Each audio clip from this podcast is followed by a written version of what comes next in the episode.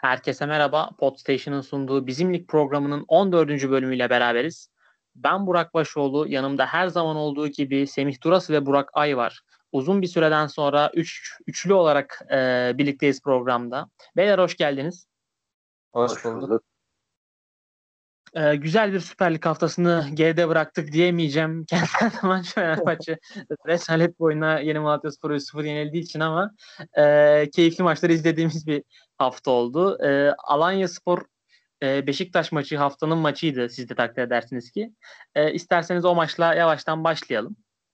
E, Burak abi sen bir Beşiktaşlı olarak e, sen oyunun ilk yarısında ciddi bir Alanya Spor e, baskısı vardı ve Sergen Yalçın'ın Josef Atiba, e, Dorukan üçlüsünden bir orta saha kurgusu vardı.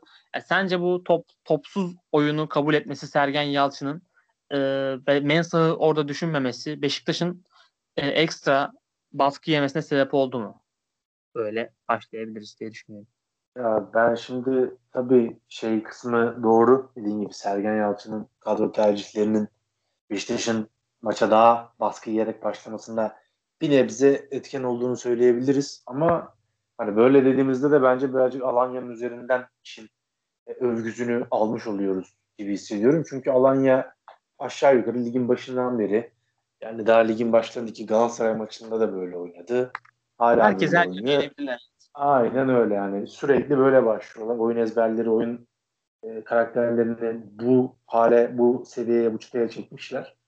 E, o sebeple zaten Beşiktaş için kolay bir maç başlangıcı olmayacağı kesindi. Sadece benim kendi adıma biraz daha e, ümitli, çok çekinme, çekingen olmamamın sebebi hani Başakşehir ve Fenerbahçe gibi iki benzer türden maça aslında Beşiktaş'ın özellikle ilk yarılarını gayet istediği gibi bitirebilmiş olmasıydı. Ama Alanya çok sert başladı. Çok tempolu başladı. Ve o tempoda hiç bitmedi. Hani Aynen öyle. 10 kişi kaldılar. Beşiktaş'ın 90. dakikada 96 dakikalarda gol arayacağı yerde rakip kaleye hükmedemediler. Yığamadılar şeyi. 96. dakikada önde basıyordu Alanya Spor yani.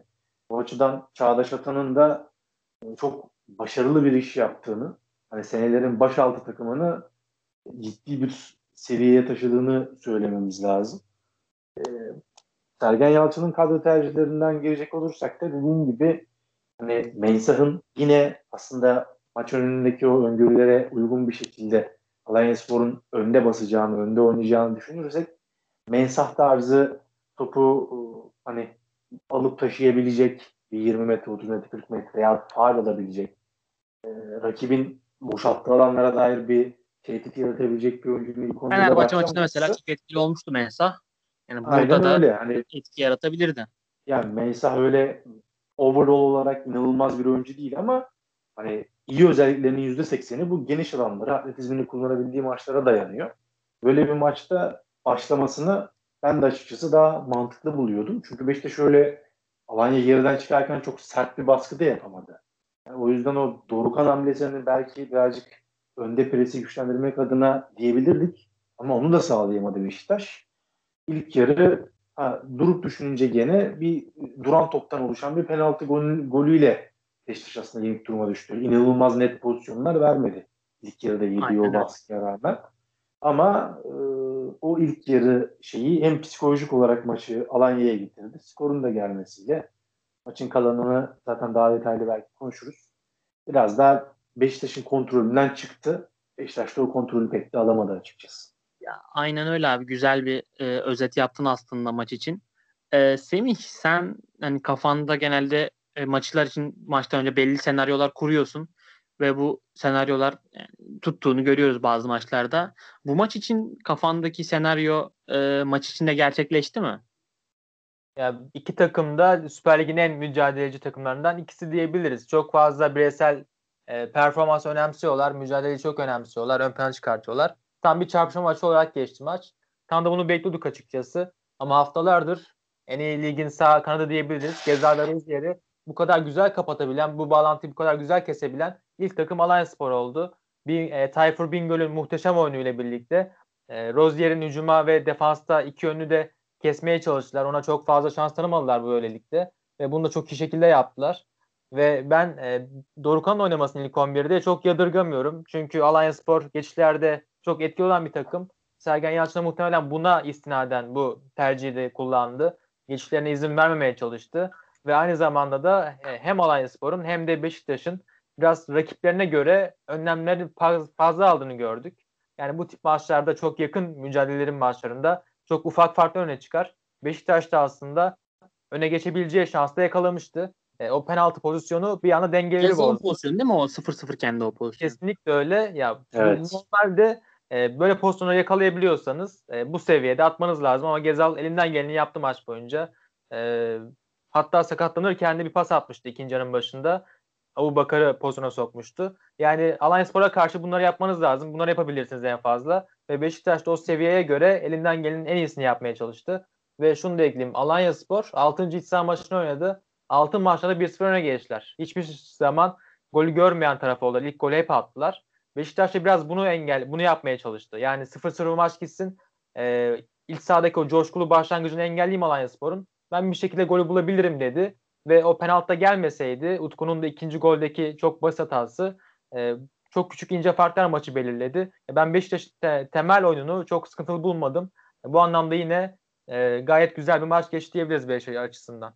Ya tabii zaten Beşiktaş için hani bu maçla ilgili şey e, çıkarımını yapmaz herhalde taraftarlar ki yani Twitter'da genel öyle Beşiktaş taraftarlarına baktığımda da öyle düşünmüyorlar gibi görüyorum. Yani Alanya Spor'a yenilmek böyle çok Hani nasıl olur böyle bir şey? Biz büyük takım çıkacaksın, her takımı her yerde yeneceksin gibi bakılacak ya, maç. Yani Al Alanya Spor her takımı her yerde yenebilecek bir takım.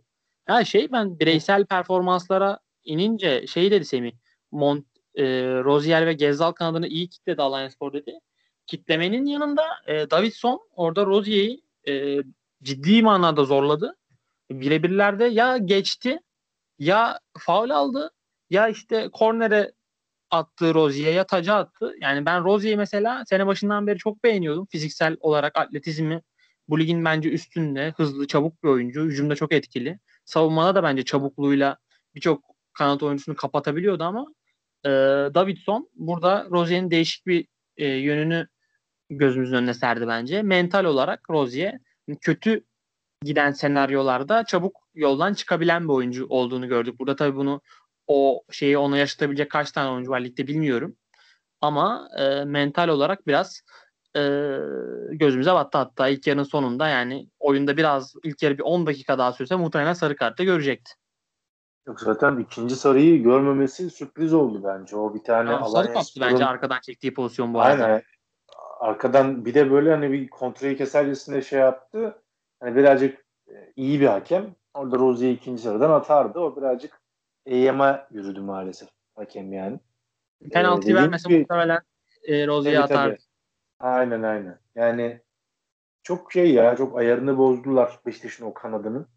Hani Gezel çok yalnız kaldı. Rozier çok yalnız kaldı. Orada o Tayfur'un dinamizmi Davidson da zaten ilginç bir adam ki kadın hiç kötü tercih yapmadı herhalde maç boyu. evet, evet, ben bayağı. şey ya hani bu Başakşehir'deki Doka Madeira vardı. Doka.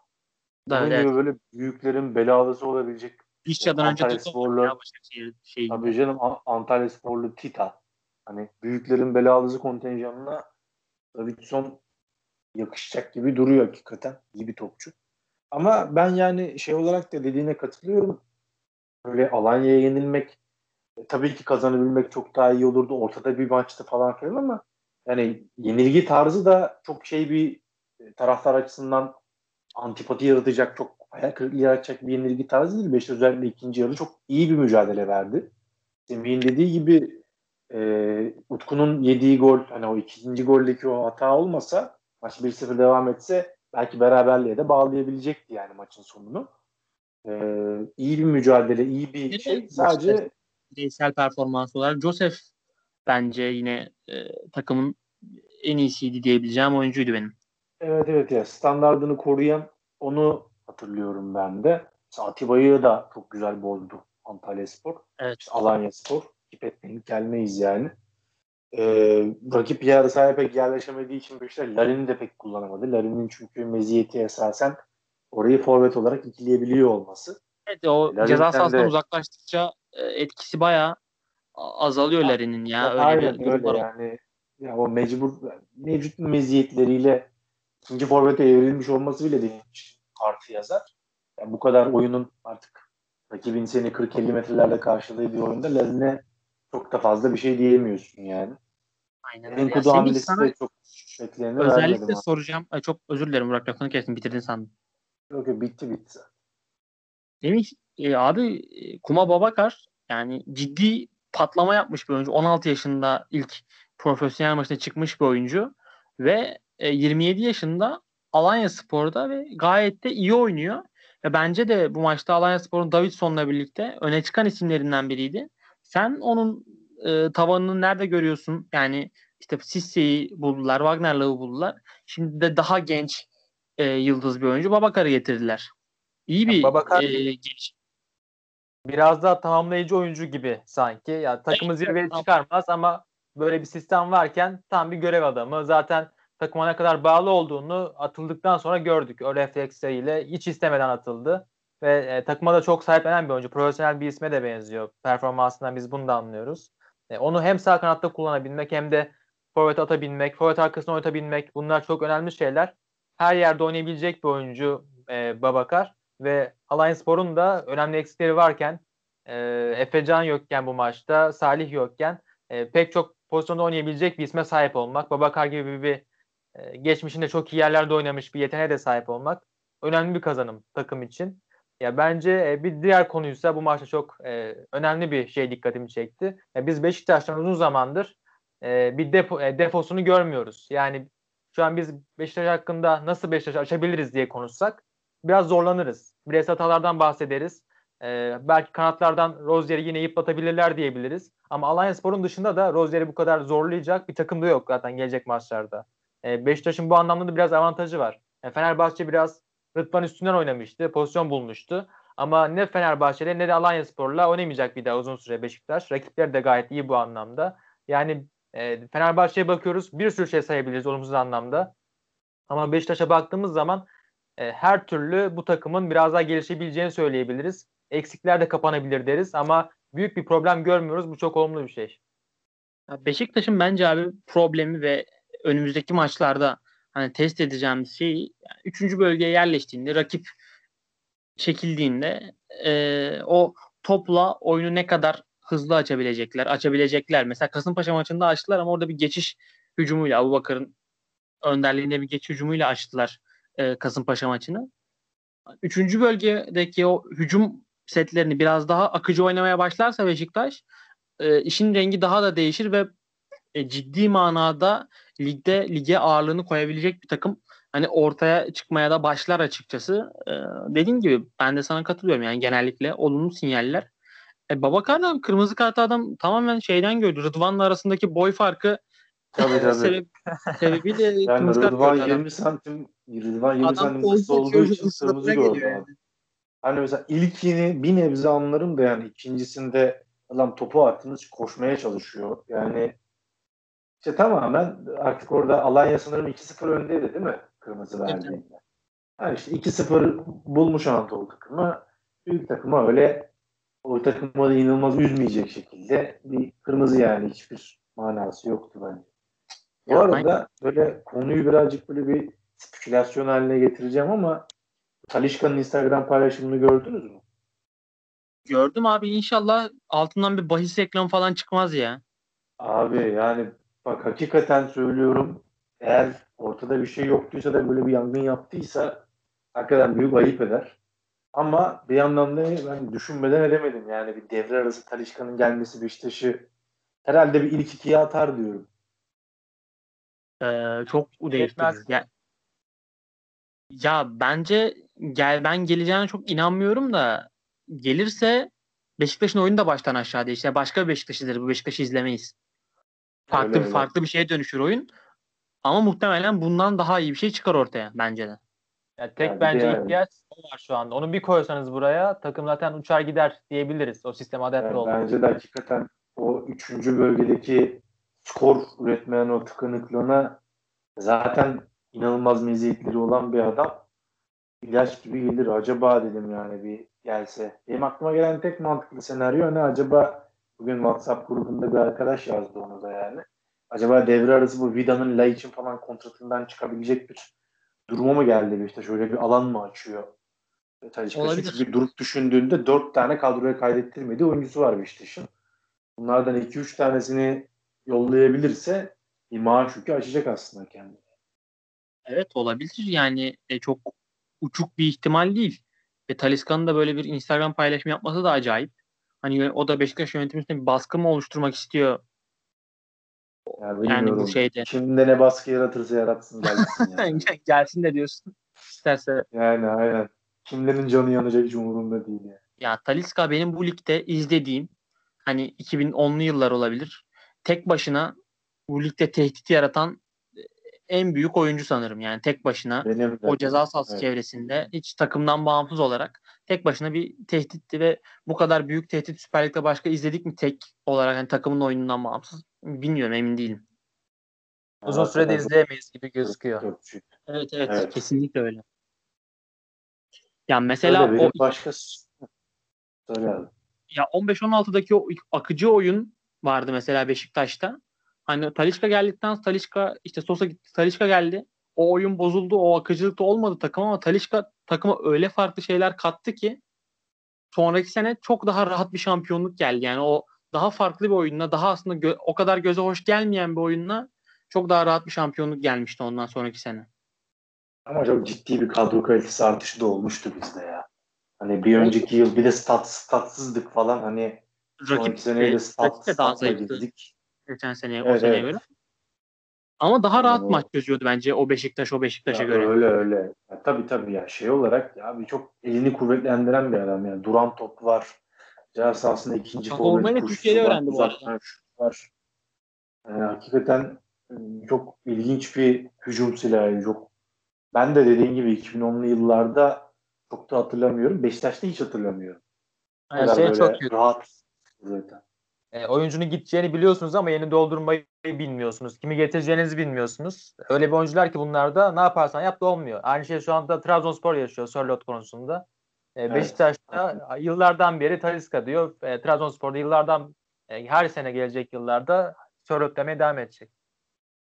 Aynen öyle abi ama bir Sörlot daha Gelmez. e, çok zor. Yani çok çok zor. İmkansız demeyelim de çok zor. E, neyse isterseniz e, yavaştan Fenerbahçe Yeni Malatya Spor maçına geçelim. E, 3-0'lık bir mağlubiyet e, Fenerbahçe açısından. Ya ben şöyle bir giriş yapmak istiyorum. Yani Erol Bulut ve Fenerbahçe'nin 12 haftası ile ilgili çok ufak bir konuşacağım. Ee, ilk haftalarda Erol Bulut çok parlak bir oyun oynatmasa da Rize maçında, Karagümrük maçında, Hatay maçında, Galatasaray maçında ve bu maçlarda bana şey izlenim vermişti. Yani bu adam çok fazla transfer olmasına rağmen bir takım yarattı, kompakt bir yapı yarattı. İşte 4-4-2 ile savunuyor. Herkesin nerede duracağı belli. İyi savunma yapıyor Fenerbahçe. Zor pozisyon veriyor ve bunları mesela ilk Rize maçında Forvet'te Frey, Deniz e, onun arkasında Deniz Türüç ve stoperde Zanko oynarken yaptı. Yani çok farklı bir kadroyla yapmayı başardı. Dedim bu hani yavaş yavaş üstüne koya koya farklı bir yapıya dönüşecek. İşte sağda Valencia, solda Tiam, e, önde iyi pres yapılıyor. İşte ortalarla, duran toplarla goller geliyor. Yani bir, bir takım yaratmayı başardı. Kompakt bir yapı yaratmayı başardı, başardığını e, düşündüm. Ama sonrasında yani bu Pelkas'ın, işte Perotti'nin, Mert Hakan'ın takıma adaptasyon sürecinde e, ve Erol Bulut'un da sanırım biraz bu ortayla orta üzerinden çok eleştirilmesine bir takıntı mı yarattı bilmiyorum. Hani orada o pas organizasyonlarını geliştirmek için farklı şeylerden mi e, taviz verildi? E, biz bu işte Konya Spor maçının ikinci yarısından itibaren öyle bir Fenerbahçe izliyoruz ki 5-1'lik Gençler Birliği maçı da dahil. Yani maçın en fazla 30 dakikasında oyunu ele alan bir Fenerbahçe izliyoruz ve onun dışında topu ne el şeyde ayağında tutabiliyor ne birlikte önde pres yapabiliyor ne üçüncü böl kendi bölgesine çekildiğinde birinci bölgesine çekildiğinde savunma yapabiliyor. Yani birlikte hiçbir şey yapamayan bir takım izliyoruz birkaç haftadır. Ve bunun da en acı yani en net göstergesinde Yeni Malatya Spor maçında gördük. Hani Semih yani o penaltı yapılana kadar geçen bir 6-7 dakika var. Hani ben 2018-2019'da küme düşme potasına gelen sezonda bile bu kadar kötü bir sekans izlediğimi hatırlamıyorum. Ya bazı insanlar diyor yani Fenerbahçe şu anda 3. sırada niye panik yapıyorsunuz? Niye eleştiriyorsunuz diye. Bazı insanlar tamamen- Mehmet, Mehmet Demirkol diyor. ya çok garip bir olay. Ya Fenerbahçe bundan kötü nasıl oynar? Bunu hayal edemiyoruz. O kadar kötü bir oyun var. Ki dakika 22 idi maç 2-0 olmuştu. Bu dakikadan sonra ilk yarının sonuna kadar 20 dakika Fenerbahçe'nin topu alma sebebi de Yeni Malatyaspor'un topu bırakmasıydı. Takım olarak geriye çekilmeleriydi. Yani eğer maç 0-0 bir devam etseydi e, biz Fenerbahçe'nin topu alamayacağını görmeye devam edecektik. Bu çok da acı bir tablo Fenerbahçe için. E, artık topu nasıl alacağını bilmeyen bir takım var. Topu geri kazanma süresi çok uzun Fenerbahçe'nin. E, biz her maç bunu söylüyoruz. Hatay maçında da söylemiştik. Hatay maçı, Konya maçı, Trabzonspor, e, Denizli maçı, sonra Yeni Malatyaspor maçı. Bunların hepsinde topu geri kazanma süresi çok uzundu Fenerbahçe'nin. Ya topu kazanamıyorsunuz. Nasıl kazanabilir Fenerbahçe şu anki sistemde? Açık kanatlarınız çok presçi oyuncu olur. E, hani Valencia gelince belki onu kullanıp tekrar o pres gücünü yükseltmek ister hoca. Ama hem Ferdi hem Pelkas içe kat eden oyuncular olunca daha fazla merkeze girmek isteyen, önde presi az yapan isimler olunca biraz Fenerbahçe bunu yaşıyor gibi gözüküyor şu anda. Ya abi Ama şey Ozan ki ve- önde pres yapmak yani e, Allah'ın Yani- kanunu değil yani ikinci bölgede bekle biraz daha geride bas onu da yapamıyorsun hiçbir şey yapamıyorsun ki. E bir de şey takım halinde hareket etmen gerekiyor ya. İki oyuncu sanki takımdan bağımsız gibi olur. Onlar da destek görmeyince anlamı kalmaz. Topu geri kazanamıyor Fenerbahçe. En önemli sorun bu. Ama top ayağındayken de üreten bir takım var. Üretebilen takım var. Ya top rakipteyken bu kadar rahat pas yapmasına izin vermeyen rakibin daha da kötü oluyor. Hatay mesela 3 kere bir dakikadan fazla pas yapmıştı. Ama artık bu maçtan itibaren e, Fenerbahçe'nin çok uzun süre pas yapıp rakibe yaptırıp öyle gol gördüğünü görüyoruz. Yani eskiden hadi pas yaptırıyordunuz rakibe, gol görmüyordunuz. Bu sefer hem pas yapıyor rakip hem de gol de atabiliyor. Fenerbahçe bunu da kaybetmiş durumda şu anda. Hatay'a Fenerbahçe tamam pas yaptı ama Hatay, Hatay'ın şutu yoktu o maçta yani 90 dakika Yani- boyunca sıfır şutla tamamlamıştı Hatay Spor.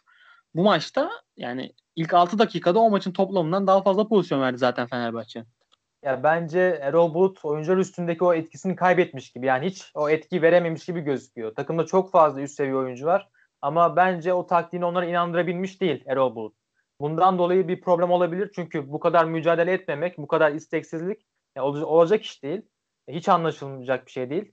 Pelkas'ın da bu kadar ısrarla kenara alınmasını hiç anlamıyorum. 8. maçı hepsinde kenara alındı. Asla 90 dakika tamamlayamadı. Yani siz bu oyuncuyu zaten kendi yerine oynatmıyorsunuz. Kanatta oynatıyorsunuz. Gayet iyi oynuyor. Elinden gelen her şeyi yapıyor. Ama hemen çıkan ne oluyor?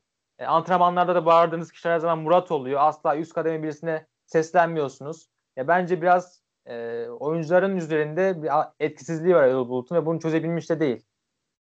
Yani şey eee, diyorsun gibi geldi bana. Ben de biraz katılıyorum. Hani Gökhan'a, Caner'e fazla eee, yükselmeyen ses veya oyundan çıkarılma, çıkarılmayan oyuncular Pelkas olduğunda, Ferdi olduğunda işte ba- başka bir olduğunda takımdan daha rahat hareket edebiliyor Erol Bulut. Bu da takımın üzerinde bir adalet inancına, takımın içindeki adalete pek inanmamaya başladı oyuncular bir yerden sonra durumu olabilir. En kötü şey hoca için savaşmayan bir ekip var bence. Aynen. Onu görüyoruz biz. Bu kadar kötü olamaz çünkü yani. Yeni Malatyaspor'a karşı bile 2-0 olmuş maç. Hani bitsin gitsin diyorlar. 3-0 olmuş. Hiç hücuma çıkamıyorsun. Tempo yapamıyorsun. Ne yaptığını bilmeyen bir takım var. İlk haftalar senin dediğin gibi bizim e, beklentimiz şeydi. Hani ilk haftalar kabul Kaptan edebiliriz. oyun yoktu ama şey izlenim veriyordu yani bu takım bir temel atmış üstüne de bir şeyler e, şey yapabilir yani üstüne bir şeyler ekleyebilir üstüne kat çıkabilir bu oyunun hani en azından kompakt bir yapı var diyordu ama artık yok öyle bir yapı yani şu anda göz gözükmüyor. gerekiyordu. Bu zaman artık doldu 12 hafta geçti ama hiçbir olumlu şey göremiyoruz. Hatta daha da geriye gidiş var. E, pek bir e, parlak gelecek gözükmüyor gibi en kısa vadede. Kesinlikle öyle ve Gazişehir ve Başakşehir maçları da Erol Bulut'un Fenerbahçe'deki kaderi açısından bence kritik. Burak sen ne diyorsun? Sence Fenerbahçe'de öyle erken bir teknik direktör ayrılığı olabilir mi kötü sonuçlar halinde? Yani abi olabilir.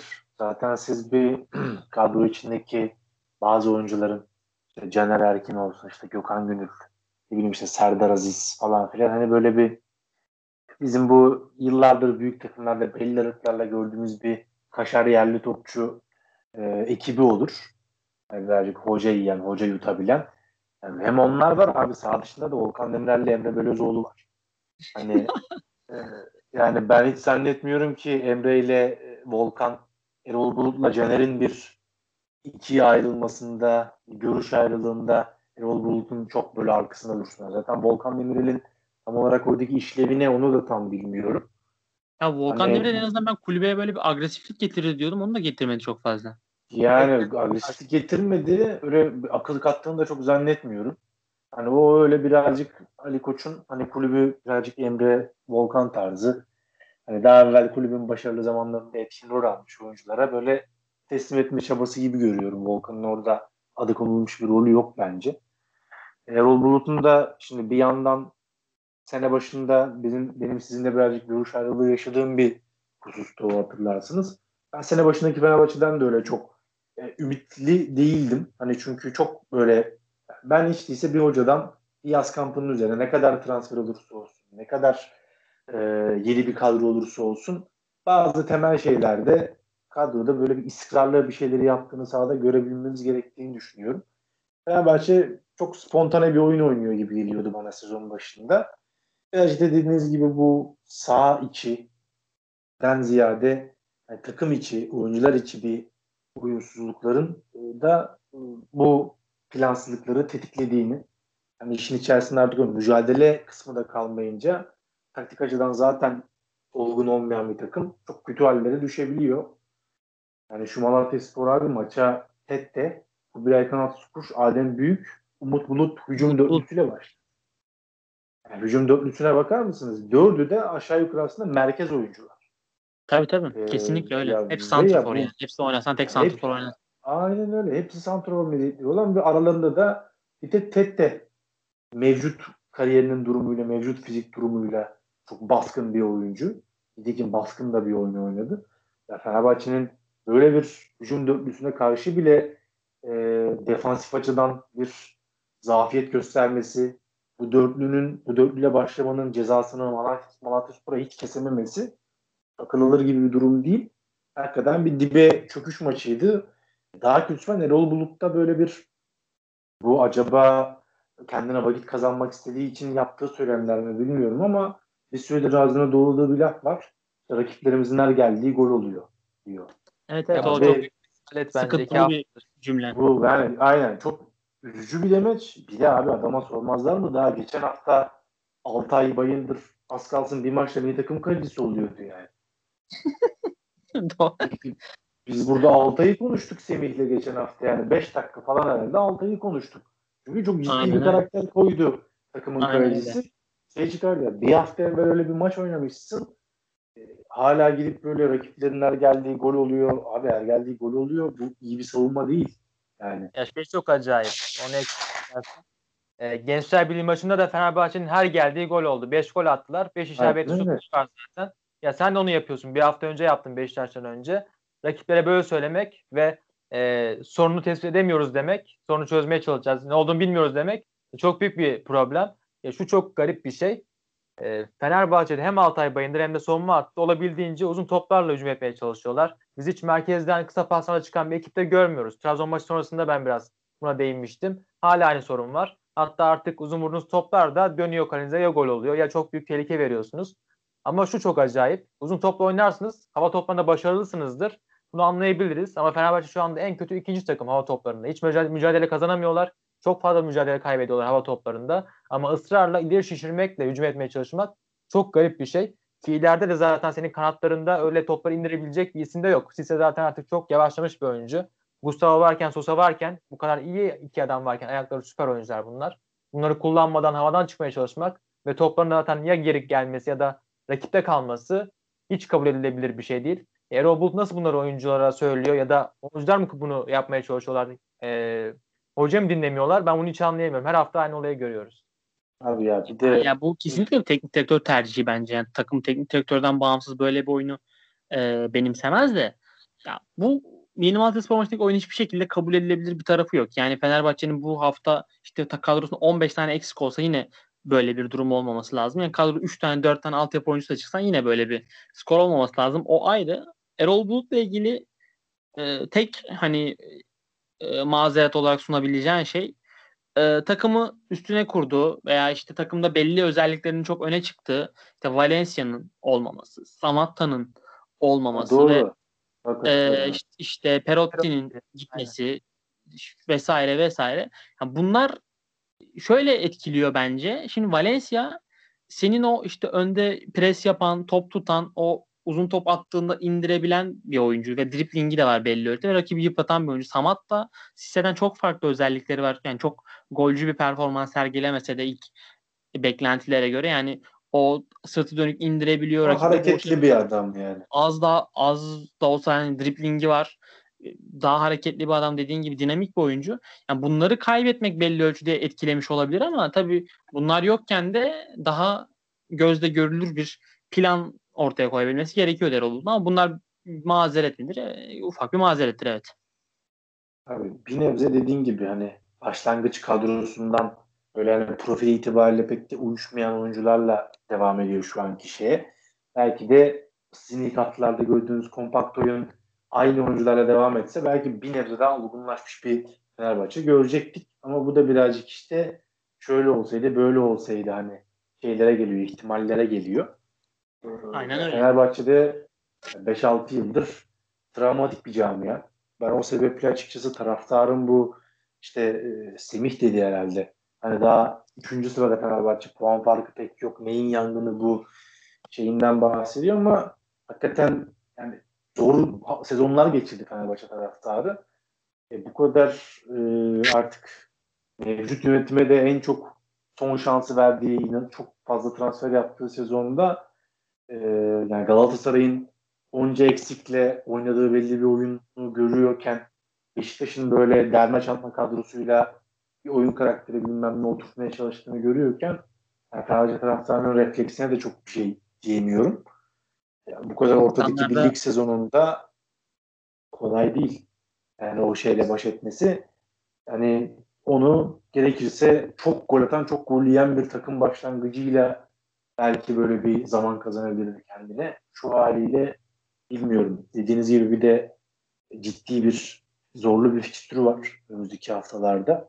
Gazişehir, hani Alanya, bir ara Erzurum yani ben, falan var galiba. Fenerbahçe'de Erol Bulut'un, işte Emre Belezoğlu'nun, bu yeni işte Ali Koç'un oraya atadığı Selahattin Baki'nin ve işte Mustafa Kemal Danabaş o yapılanmanın bu iki haftada ciddi bir sınav vereceğini düşünüyorum. Yani şu Antep maçında ben merak ediyorum. Takım ne kadar motive olacak?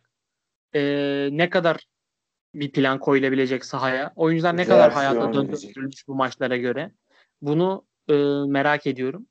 Antep Gazişehir maçı benim için çok önemli bir ölçüde olacak sezonun geri kalanı hakkında. Yani benim Antep maçından bek Galatasaray maçından beklentim kötü bir oyun, iyi bir savunma, 1-0'lık bir galibiyet. E, istersen Antep tarafından da Başakşehir Antep'e geçebiliriz. Antep Geçelim, maçını izledim. E, çakıştı Beşiktaş maçıyla ama sonradan tekrar bakabildim.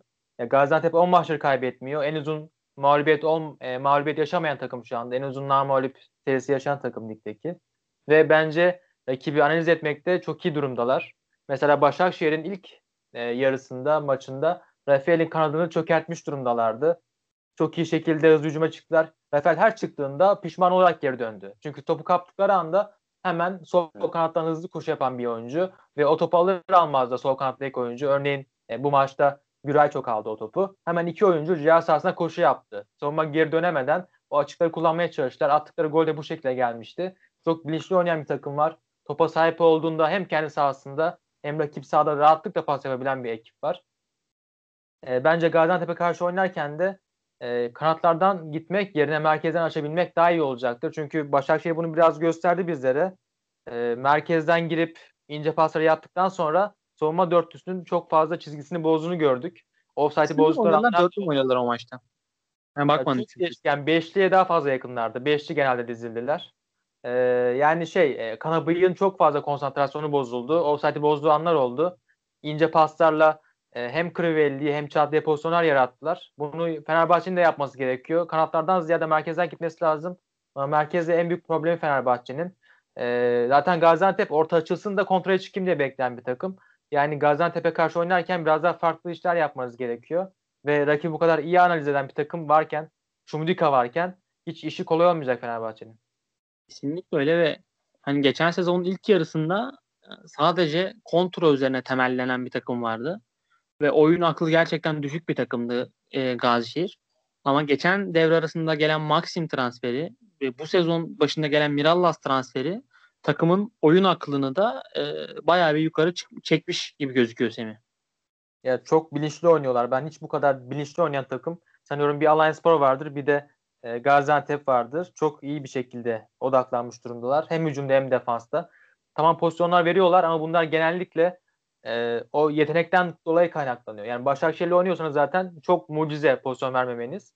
Ama o golü atabilirlerse, öne geçebilirlerse iyi şekilde geride kapanacaklarını ben düşünüyorum. Ya Fenerbahçe en zorlanan takımlardan biri olduğu için merkezlerden e, biraz daha duran topa kalmış gibi gözüküyor ki zaten Şumudika'da en fazla bunu isteyecektir.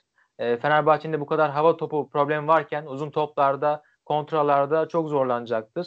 E, Gaziantep için tam bir gösteriş maçına dönebilir maç. Şumudika'nın da e, kredisini arttırması için çok güzel bir maç gibi gözüküyor. Ama öte yandan da tabii ki bu kadar kötü durumdayken Fenerbahçe tam bir reaksiyon maçı gibi bir şey de görebiliriz. Alliancespor'un iki maçı kazanamadığını biz biliyorduk. Reaksiyon maçı olarak Beşiktaş'ı gösteriyorduk. Tam reaksiyon maçıydı. Bunu vermeye başardılar. Fenerbahçe de bir şekilde maçı kazanmak için e, elinden geleni yapacaktır. Hani normal şartlarda Gaziantep önde görürüz ama böyle bir durum varken hani bir reaksiyon gerekiyorken hani ekstra bir motivasyona çıkılabilir. Tıpkı Denizli maçına çıkıldığı gibi. Kesinlikle öyle abi. Katılıyorum. Yani enteresan bir maç olacak. Her yönüyle hikayeli bir maç olacak. O kesin. Ee, isterseniz beyler e, bu maçı da kapattıktan sonra e, ufaktan bir Trabzonspor'a değinelim.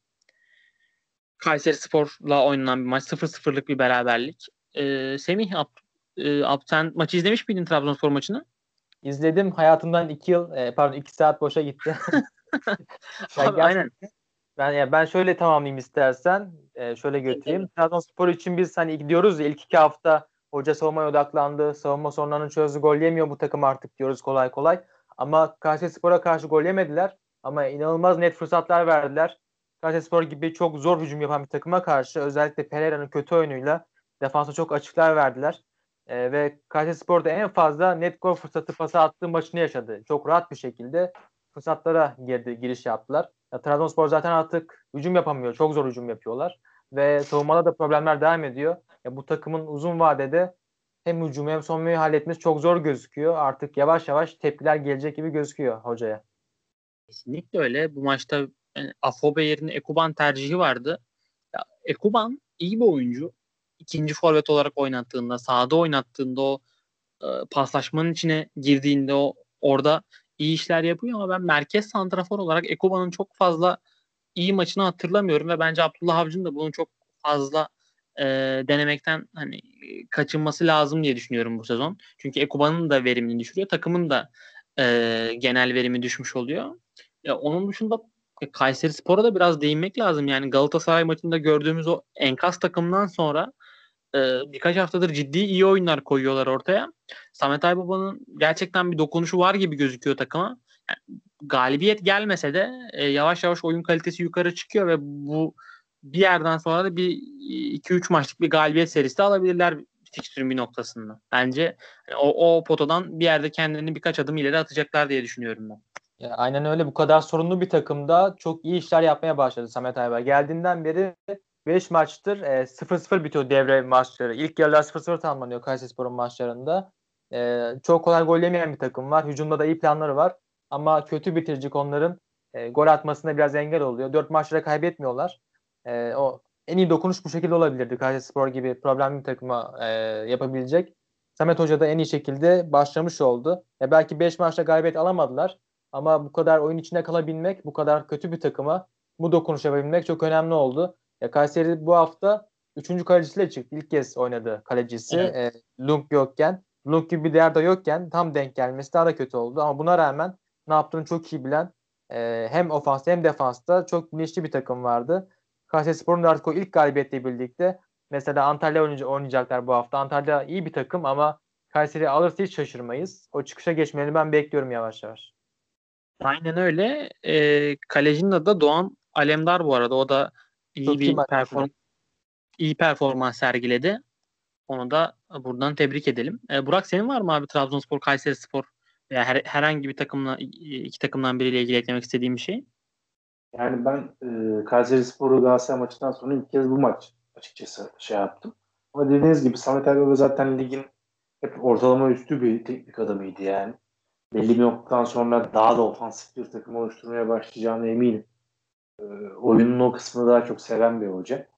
Ben de Kayseri Spor'u beğendim. Ama yani Trabzonspor'la alakalı da mesela Ekuban tercihinden bahsettin sen. Yani ben onu birazcık böyle bir hücumda çünkü çok ciddi bir formsuzluk da var e, Trabzonspor'da. E, hani bir arayışlar, bir çözüm arayışları olarak görüyorum birazcık. Ekuban tabii, dediğin gibi iyi bir santrafor meziyetleri öne çıkan bir adam değil. Özellikle de oyunu rakip yarı sahada oynamayacaksanız Ekuban daha da e, size sıkıntı yaratıyor onun oradaki o link up oyununun pek olmaması, o top tutamaması falan. Yani Abdullah Avcı'nın bir arayışları devam ediyor gibi gözüküyor. Muhtemelen devre arasında kendisini olabilecek en iyi şekilde hani iş değilse işin defansif kısmına oturtarak atmaya çalışacaktır. Ee, artık ondan sonra nasıl bir hamle gelir, bir transfer e, hamlesi gelecek midir Trabzonspor'dan? Ee, benim hiç değilse Abdullah Avcı geldiğinden beri biraz daha dikkatli takip ettiğim bir takım oldu. Nereye vardırırlar ben de açıkçası merak ediyorum. Aynen öyle abi. Abdullah Avcı zaten diyeceğim her zaman ortaya bir plan ve takip edilmesi merak uyandıran bir şeyler koyuyor. Ee, Burada da onu merakla takip edeceğiz. E, beyler Hatay Spor Karagümrük Spor maçı verdi bence ligin yine e, belki de en iyi maçıydı bu hafta. 3 birlik bir Hatay Spor galibiyeti. Yani e, benim izlediğim e, en dikkat çekici Süper Lig maçlarından biriydi bu sezon. İki takım da ciddi plan koydu. Yani Karagümrük'ün o bir birken 3. bölgedeki hareketliliği işte Jimmy Durmaz'la, Badu Endia ile Ramazan Civelek'le özellikle e, Hatay Spor'un da geçiş hücumlarındaki o kontrolardaki keskinliği çok dikkat çekiciydi. İlginç bir maç oldu. Yani Karagümrük'e aslında daha yakın gibi gözüküyordu maç bir birken ama e, orta sahasının biraz Karagümrük'ün çabuk geçilmesi onların sonunu hazırladı sanki Burak. Abi valla hakikaten çok keyifli maç oldu. Birazcık da bence bu Anadolu takımlarına, Anadolu takımların yönetimlerine biraz ders olması gereken bir maç. Yani ıı, takımın başına sürekli aynı Süper Lig hocalarını sürekli sürekli getirerek ortaya pek bir şey çıkartamıyorsunuz. Anca böyle e, hani yeni hocalarla, yeni söyleyecek bir sözü olan, kendisine bir kariyer inşa etmeye çalışan hocalarla oynadığınızda bir futbol izleyicisi olarak biz de işte ise sahada daha farklı şeyler görüyoruz. Yani Hatay Spor'da, Karagümrük'te özellikle Hatay ligin e, böyle bir ilgi çeken takımlarından birisiydi. Ligden gelen takımlar arasında da böyle en e, ne yaptığını bilen duruşu olan takımdı yani sahada. E, onun adına ben seviniyorum.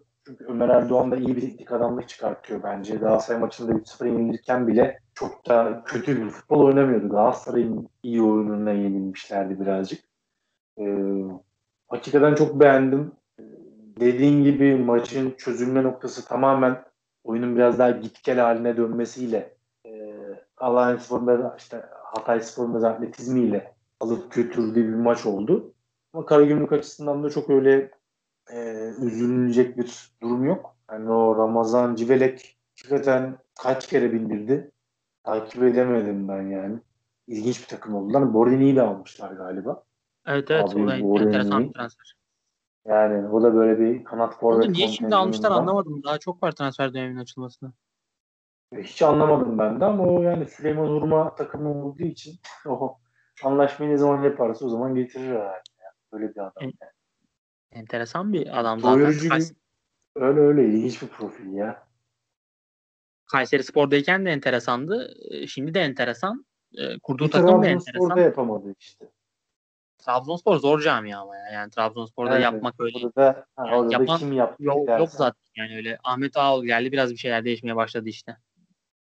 Evet. Yani Hatay Spor'u ben yine sezonun kanalında bir ayrı bir gözle takip etmeye devam edeceğim gibi duruyor. Ya şey çok İlginç enteresan Yani. Semih sana şöyle döneceğim abi.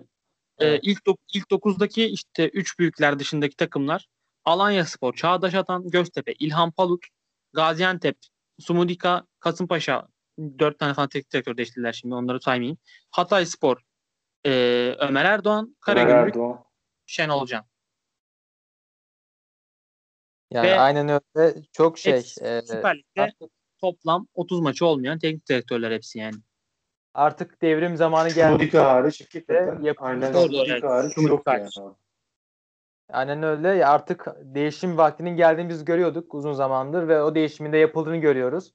Şey çok sevindirici. Mesela İlhan Polut ilk geldiğinde medya gücü de olmayan bir isimdi. Ne zaman kovulur diye bakan insanlar vardı. Ama direndi, savaştı. O genç olmasına rağmen burada kalmayı başardı. Ve Aynı aynı zamanda yazar bence onun başarısı. aynen öyle Vazgeçmediler. çok cesur Çok karardı. vazgeçerdi geçen sene. Aynen öyle. Ya diğer şeyler de, diğer takımlar da baktılar ki hiçbir sorun olmuyor. Eski hocalardan onların yerine artık yeni bakış açısı getiren daha bilimsel bakan, daha yenilikçi isimlere yönelmek istediler. Ya artık çıkıp e, Ça- Çağdaş Hoca'nın da söylemesi, ben taktik konuşmak istiyorum, hakem konuşmak istemiyorum demesi artık gelecekte medyanın da değişeceğini gösteriyor bizlere. Hala eski medya var ama yeni hocalar da medyayı değiştirecek insanlar. Yeni hocaları getirecekler, yeni medyayı getirecekler. Onların bu değişimi sağlaması çok güzel şeyler. Yani mesela Şenol Can diyoruz. E, normalde çok fazla orta açan bir takım vardı ilk hafta. İkinci hafta Gaziantep'le oynuyorlardı. Kontrolü çok seven bir takımdı Gaziantep. Sadece iki orta açtılar. Bir maçta e, yaklaşık 25-30 tane orta fark etti. Ya siz bunun tek sebebi oyunu o şekilde okumanızdır. Oyuna o şekilde yön vermenizdir. Bütün ayrıntıda düşünen hocalar bunlar. Ve genç olmaları da bizi çok umutlandırıyor. Çok potansiyelli isimler. Hatay Spor diyoruz. Kadro çok zayıf diyoruz. Ama bu sezon sadece iki maç kaybettiler. Hem Alanya hem Gaziantep maçları. Ya bunun dışında ne yaptığını çok bilen bilinçli bir takım var. Ve diğer hocalar da bunları farklarını her zaman gösteriyorlar. Artık o devrimin yaşandığı zamanları yaşıyoruz. Ve bu da Türk futbolu için harika bir şey. Gelecek sezondan itibaren daha fazla genç hoca, daha fazla yetenekli isim göreceğiz gibi gözüküyor. Bu da çok sevindirici bir durum tabii ki. Yani abi hakikaten ben artık çünkü iyice sıkılmaya başlamıştım. Hani mesela hadi bazı hocaların ne bileyim ben bak Bülent Uygun'u bile getirmenin şöyle bir Bu mantığı arada beyler vardır. bugün lige çok önemli bir teknik direktör daha geliyor. Geldi. Denizli Spor Yalçın Koşukavak'la anlaştı. O da geçen sezon hem Bursa Spor'la hem Altay'la öncesinde İstanbul Spor'la alt ligde çok özel işler yapmış. Evet evet. Teknik direktör ve ben onun da Süper Lig'de çok ciddi fark yaratacağına inanıyorum. Denizli Spor'la birlikte. Abi yani yani yarı yani şey yapamasa bile mevcut Denizli kadrosunu düşündüğünde çok da vaatkar bir takım değil ama ya bu tarz denemelere kötü bir bak Denizli'nin gerekiyor. göreceksin. İyi futbol oynayacaklar. Ya umarım yani ne diyeyim yani çünkü Yalçın Koşukavak'ın ismini de hakikaten bir süredir duyuyorum. Twitter'da böyle özellikle alt ligleri takip eden adamlar bu İstanbul Spor döneminde çok bahsini geçiriyordu hocanın. Yani artık ne bileyim ya bir kötü giden takımın başında bir Fuat Çapa bir Mehmet Özdilek daha görmek istemiyorum yani. Yani Hani şeyde çok- Mehmet Özdilek 15 yıldır bu ligde teknik direktörü bir tane iyi hatırladığınız bir Mehmet Özdilek takımı var mı? Şu sezon şöyle bir top oynamışlar dedi. Yani. Hatta her sene gene bir şekilde bir yerlerde teknik direktörlük Ya, yaparken görüyorum. Olabilirdi bence Mehmet Özdilek. Yani uzun zamandır çalışıyordu. O kadar kötü gitmiyorlardı. Hüseyin Ya, Çimşir yerine ya. kalması gerekiyordu bence. ya şey Abi çok Özdilek'i Takımda hani ya. hocaya gönderiyorlar ya yeni gelen ismin neden geldiğini hiç kimse bilmiyor. Kimse anlayamıyor. Ee, Yani altı parmak da var. Onu saymayı unuttuk kovulduğu için. O da çok iyi işler çıkarmış Kasım, Kasımpaşa'da ilk sezonunda Süper Lig'deki. E, çok fazla hoca var genç hoca ve bunların da artık geliyor olması en üst seviyeye e, çok sevindirici bir şey. Mustafa Kaplan biraz bizi yanıltmaya başladı gibi. iki haftadır iyi işler yapıyor Gençler Birliği'nde. E, iki haftadır kazanıyorlar. E, Alanya'yı da yenmeyi başardılar. E, çok önemli işler yaptılar ama sanki uzun vadede yine ben aynı problemleri göreceğimizi düşünüyorum. Yani genç e, Gençler Birliği'nin hala çözmesi gereken çok şey var. E, ve diğer takımlarda da e, daha fazla genç hoca görmek çok sevindirici olacaktır. E, yanlış hatırlamıyorsam 55 yaş üstü sadece 3 tane hoca kaldı Süper Lig'de. Rıza Hoca vardı, Fatih Terim vardı. Hikmet Karaman vardı sanırım o da kovuldu. Çok az sayıda yaşlı hoca var. Ya mesela hani Hikmet Karaman yani bir Hikmet Karaman takımı daha görmek istemiyorum ya. Daha kaç takımda başarısız olması lazım ki bu adam. Aynen öyle abi. Hikmet Karaman artık şey yapsın ya YouTube'da taktik anlatsın. Ha, aynen böyle eğlenceli bir şeyler konuşsun. Böyle bir Bielsa Mielsa ölsün. Abi adam 3 sene aralıksız şarkı ya. Bir insan 3 sene yönettiği takımla küme düşüp de hala bu şehir bunu unutmaz falan filan. Abi 3 senedir sen varsın takımın başında. Hangi Anadolu takımı hocası 3 sene üst üste tak- takım yönetti? Gittin Evet. böyle Avusturya Ligi'nden oyuncular aldın getirdin şu bu falan filan. Yani hakikaten darlandım o adamlardan. Orta. Doğu'daki bütün futbolcuları almıştı bir dönem takıma. Aynen öyle. Yani her her işine okey denildi. Hala bu adamların bir daha iş bulması zaten ligden çok da fazla keyif almıyoruz. Bari işte şöyle yeni bir hoca gelsin, bir şey denesin. Hakikaten ligin seviyesini de yükseltiyor bence. Büyük takımların da bu kadar e, iyi baskın oyunlar koyamadığı yerlerde bu tarz takımların o sıçramayı hele ki böyle bir sezonda yani ortada bir seyirci avantajı da yok büyük takımların. Yani sürpriz yapacaksa bu sene yapacak takımlar yani. Avrupa'nın her liginde 5 büyük liginde liderleri görüyorsunuz yani hepsi e, normalde bu haftalarda burada görmeyi düşünmeyeceği takımlar öyle yoğun öyle zor bir sezon ki sürpriz bir şampiyon çıksaksa sağdan soldan bu ara çıkacak yani. Aynen öyle abi. Yani kesinlikle son ligin sonunda da bayağı bir isyan ettik şeyin programın sonunda. Ee, bir devrim var gibi duruyor artık ligde. Bu 75-85 arası doğumlu hocalar yavaş yavaş takımların başına gelmeye başladı. Ve e, bu eğer tutarsa yani bu şekilde tutmaya devam ederse devamında gelir bence. E, eklemek istediğiniz farklı bir şey var mı beyler bu hafta ile ilgili? Benim yok. Benim de yok. O halde e, bizi dinleyen herkese çok teşekkürler. Hoşçakalın. Hoşçakalın. Hoşçakalın.